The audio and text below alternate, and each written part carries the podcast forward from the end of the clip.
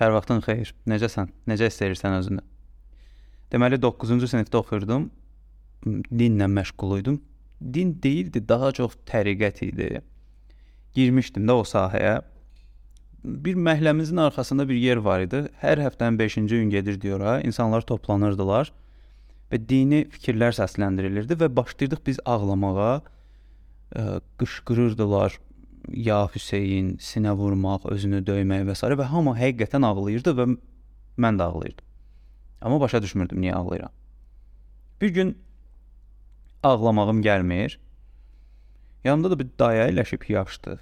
Qorxuram ki, mən niyə ağlaya bilmirəm? Hamı ağlayır, mən ağlaya bilmirəm. Özümü günahkar hiss eləyirəm. Birdən bu belə baxdı mənə. Dedim, dayı, mən ağlaya bilmirəm. Dedi, sənin qəlbinə cin girib. Mən belə qorxdum əməlli başlı ki, yəni nə? Cin nədir?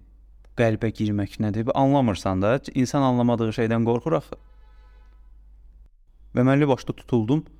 Çıxdım qapının ağzına, çöldə məni ağlamaq tutub. İndi çıxıb adam mənə çöldə deyir ki, bala niyə ağlayırsan? Mən də ağlaya-ağlaya deyirəm ki, içəridə ağlaya bilmədim deyə, dayı, indi burada ağlayıram. Yəni bu dərəcədə də yox da deyirəm özümə. Niyə belə idim? Çünki mən fanatlığın qurbanı olmuşdum. Fanatizm çox bərbad bir şeydir. Bərbaddan ötə bir şeydir. Niyə? Çünki fanat olduğun, fanatlıq elədiyin bir şeydə dərin düşüncə yoxdur. Sadəcə emosiyalarınla və duyğularınla idarə edilmə var. Yəni sənə o flash kartsan da informasiyanı sənə yükləyirlər. Həmin informasiyaya toxunan kimi sən idarə olunmağa başlayırsan. Məsələ budur ki, mən bunu biznesdə oxuyanda da keçmişdim, marketinqdə də var idi. İndi sosial psixologiyada bunu daha geniş öyrənirəm. Fanatizmin insan həyatına olan təsiri. Latıncadan fanatizm qəzəb deməkdir. İnsanın o daxilində olan o təbii qəzəb prosesini bir sistematik şəkildə ortaya çıxarmasıdır. Sistematik dediyim də şey nədir? O insanın o qəzəblənməyi, əsəbləşməyi, hirslənməyi, sadiq olmağı, aslı olmağı və s. bunun adını artıq nə qoyuruqsa, bunun arxasında bir əməlli başlı sistem dayanır və o ə, sistemə uyğun olaraq bu prosesi tənzimləyirik. Məsələn, idman fanatizmi, siyasi fanatizm, elmi fanatizm və s. Tutaq ki, mənim azarkeşlik etdiyim qrup komanda daha doğrusu Qalatasaraydır. Qalatasaray gələndə qol vuranda nəsə olanda adamın bədəni titrəyir, qışqırırsan və s. və s. şeylər eləyirsən. İllər əvvəl bu məndə daha çox idi, indi daha azdır.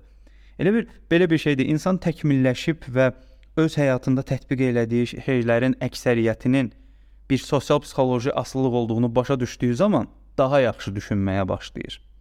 Fanatizm bir növ belədir də, sənin yerinə düşünüb hazırlanmış və sənin ömür boyu ona sadiq qalmağa o yönəldiyin bir prosesdir.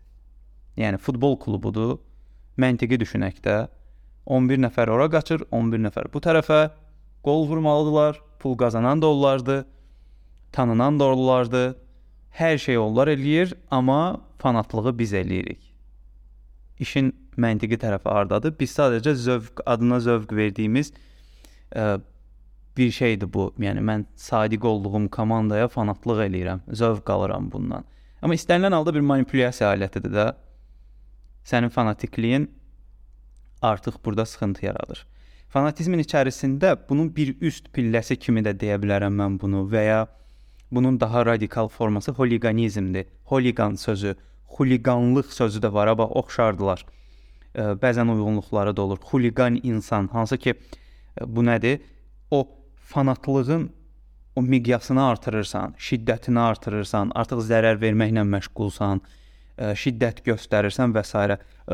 futbolda olur, azarkeşlər bir-birini yandırırlar, qışqırırlar, dava, qırğın və s. və s. belə bir şeylər olur. Fan klublar, fanatizm, fan klub və s. və s. yaranmış olur. İndi mən idman üzərindən dedim, idmanda daha yaxşı olur da bu proseslər. Elmi fanatizm var. Adam girib elmin içərisinə və elmi fanatikdir. Bir növ belədir də, elmi fanatizmdə. Yəni mənim gördüyüm elmi fanatizmə uğramış insanlar da belə idi. Özləri çox da elmlə maraqlanmır, amma elm adamı kimi qəbul elədiyi birinin dediyi istənilən fikirdir ki, bu deyirsə deməli düzdür. Bu da yanlış bir şeydir. Və ya siyasi fanatizm. Siyasətdə kiminsə fanatiki olmaq.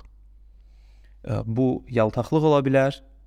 Yaltaqlıq olmasa belə, düz burada ayrılır artıq. Yaltaqlıq və fanatizmi mən ayırıram burdan. Çünki yaltaqlıq şuurlu şəkildə baş verən prosesdir.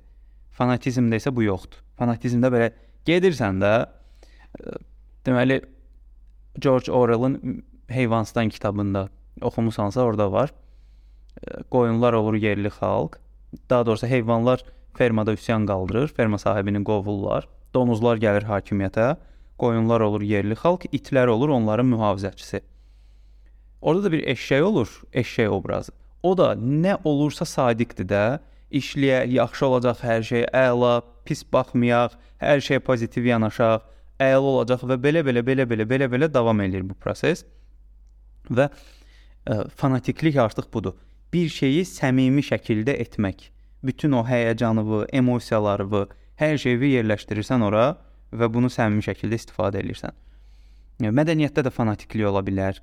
Bax, məsələn, irqçilik anlayışının özü bir fanatizm məsələsidir. İrqçi. Mən xaricdə olanda orada da var idi yanaşmalar ki, irqçilik edənlər var idi. Rasizm deyirlər də səfərməsə buna.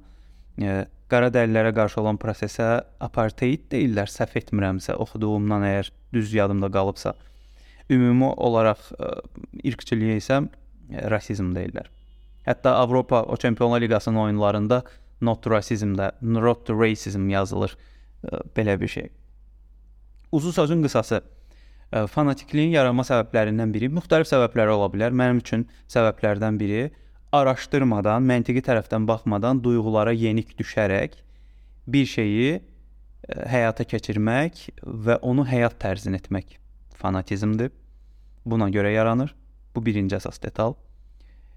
İkinci əsas detallardan biri mühit ətrafında olan səni düşündürməyə səbəb ola bilməyən mühitlərin çoxluğu. Fərqi yoxdur hansı sahədəsən, yenə eyni şeylər sənə gətirir fanatikliyə çıxarır. Üçüncü və ən önəmli detallardan biri araşdırmama, analiz eləməmə, assosiasiya edə bilməmə. Bax bu 3 A dediyim detallar da fanatizm insanı gətirib çıxara bilər. Ona görə ki, e, araşdırmadan, analiz etmədən və bu araşdırdığın, analiz e, elədiyin şeyləri assosiasiya etmədən sən doğru şəkildə nəticələrə çıxa bilmirsən. Məsələ budur. Ona görə həmişə azlıq düşünür, çoxluq idarə olunur. Azlıq həmişə idarə edən tərəf olur. Çoxluq heç zaman idarə etmir. Çoxluq dağıdıcı rol oynayır. Çoxluq dağıtmaqla məşğuldur. O çoxluq qura da bilər, dağıda da bilər. Bunu isə azlıq müəyyənləşdirəcək. Bu da ideologiyalarla baş verən bir prosesdir. Dolayısıyla fanatizmi də bir ideoloji e, bağlılıq kimi göstərə bilərik. Məsələ budur. Düşünmək, düşünə bildiyin yerdə olmaq və özünü sorğulamaq, e, yəni fanatlıq elədiyin, bağlı olduğun, duyğusal olaraq bağlandığın şeylər nədən ibarətdir? Bir bunlara baxmaq, doğru şəkildə analiz eləmək və növbəti dəfə e, doğru bilmədiklərini doğru yönə aparmaq, yanlış bildiklərini isə ə, doğru səhv dedim cümləni deyəsən. Nəysə də doğru və yanlış bilmədiklərini düzəltmək. Çünki bunlar olmasa ə, sistem yaxşı çalışmayacaq və bizi rahat formada idarə edəcəklər. Belə, ümid eləyirəm nəsə çatdıra bildim fikirlərimi. Ə, sənin fanat olduğun nəsə varmı? Varsa mənə sosial media üzərindən yaza bilərsən. Dinlədiyinə görə təşəkkür edirəm. Növbəti podkastda görüşərik. Özünə yaxşı bax.